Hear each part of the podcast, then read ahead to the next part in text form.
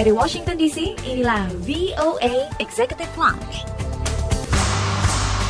VOA Executive Lounge. Sekarang kita lanjutkan lagi obrolan Aryon Arifin bersama Chef Yono Purnomo, Executive Chef dan pemilik Yonos Restoran di kota Albany, New York.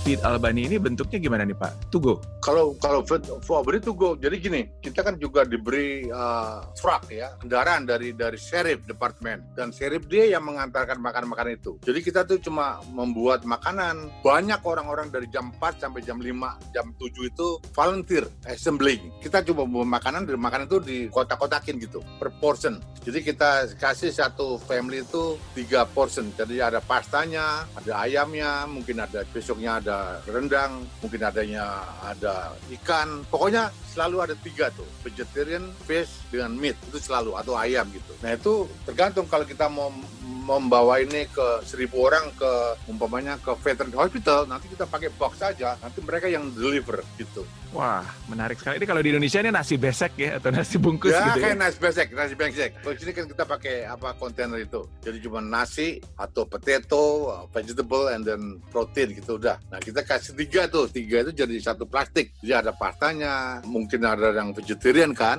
Hmm. ada yang nah, menu itu kita tergantung. Pokoknya selalu tuh pasti ada vegetarian pasti ada chicken, fish, meatloaf, atau beef segala itu ya kita rute aja gitu. Sekarang ini kita harus konfirm lah ke publik supaya siapa tuh kita kita tuh udah menyediakan tempat yang layak dengan distance jarak meja-meja itu sanitation segala macam fish mespo semua employee pokoknya kita jalankan apa yang kita dapat dari uh, CDC dari New York State uh, Department of Health dan semacam-macam. Nah itu kan masih tergantung kepada masing-masing kan. Wah ada juga, ah saya mau ikut lah. Saya udah terbengkalai di rumah selama empat bulan. Tapi kebanyakan ya, karena kita kita punya loyalty customer, hmm. ya untung aja mereka tuh ya datang ya selama ini gitu loh. Menyumbang artinya menyupport tapi sementara dari pihak restoran Bapak sendiri sudah ada usaha untuk meyakinkan para pelanggan bahwa eh, restoran Bapak senantiasa menjalani protokol-protokol kebersihan dan kesehatan ya Pak ya?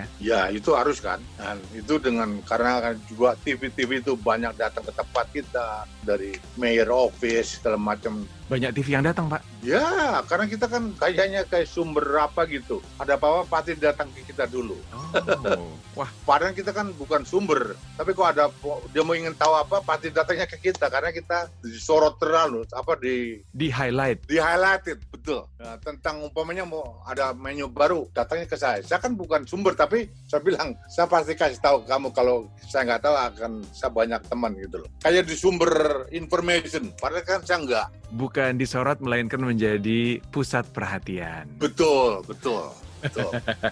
Jadi ya agak bangga juga sih kan gitu. Wah itu Jadi, sih bukan agak bangga aja Pak, pasti bangga banget lah Pak. Ngomong-ngomong nih kalau misalnya sekarang Bapak Chef Yono sendiri melihat ke depan, apa harapan Chef Yono untuk usaha restoran fine dining ini Bapak? Ya kalau sekarang saya pikir ya just just pray ya. Tapi kita harus positif ya. Karena apa? Karena ini ini kan usaha-usaha usaha kita dan our life ya. Jadi kita harus berusaha dan berdoa supaya vaksin itu didapatkan secepat mungkin untuk konfinnya itu kan gitu. Tapi saya rasa ya ya kita harus gimana ya?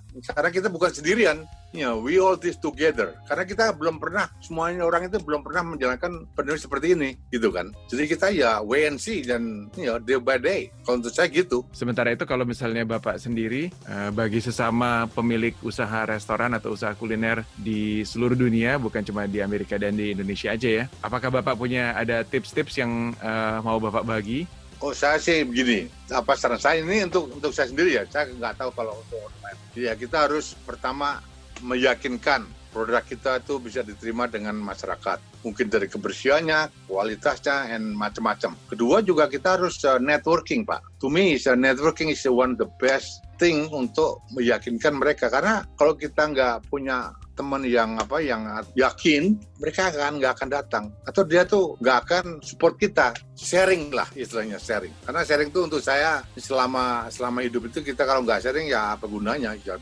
ngomong-ngomong sharing terima kasih banget bapak untuk pengalaman dan juga sharing ceritanya seputar uh, restoran bapak. Thank you so much. Ya yeah, my pleasure pak. And uh, salam tuh teman-teman VOA di seluruh Nusantara dan mancanegara.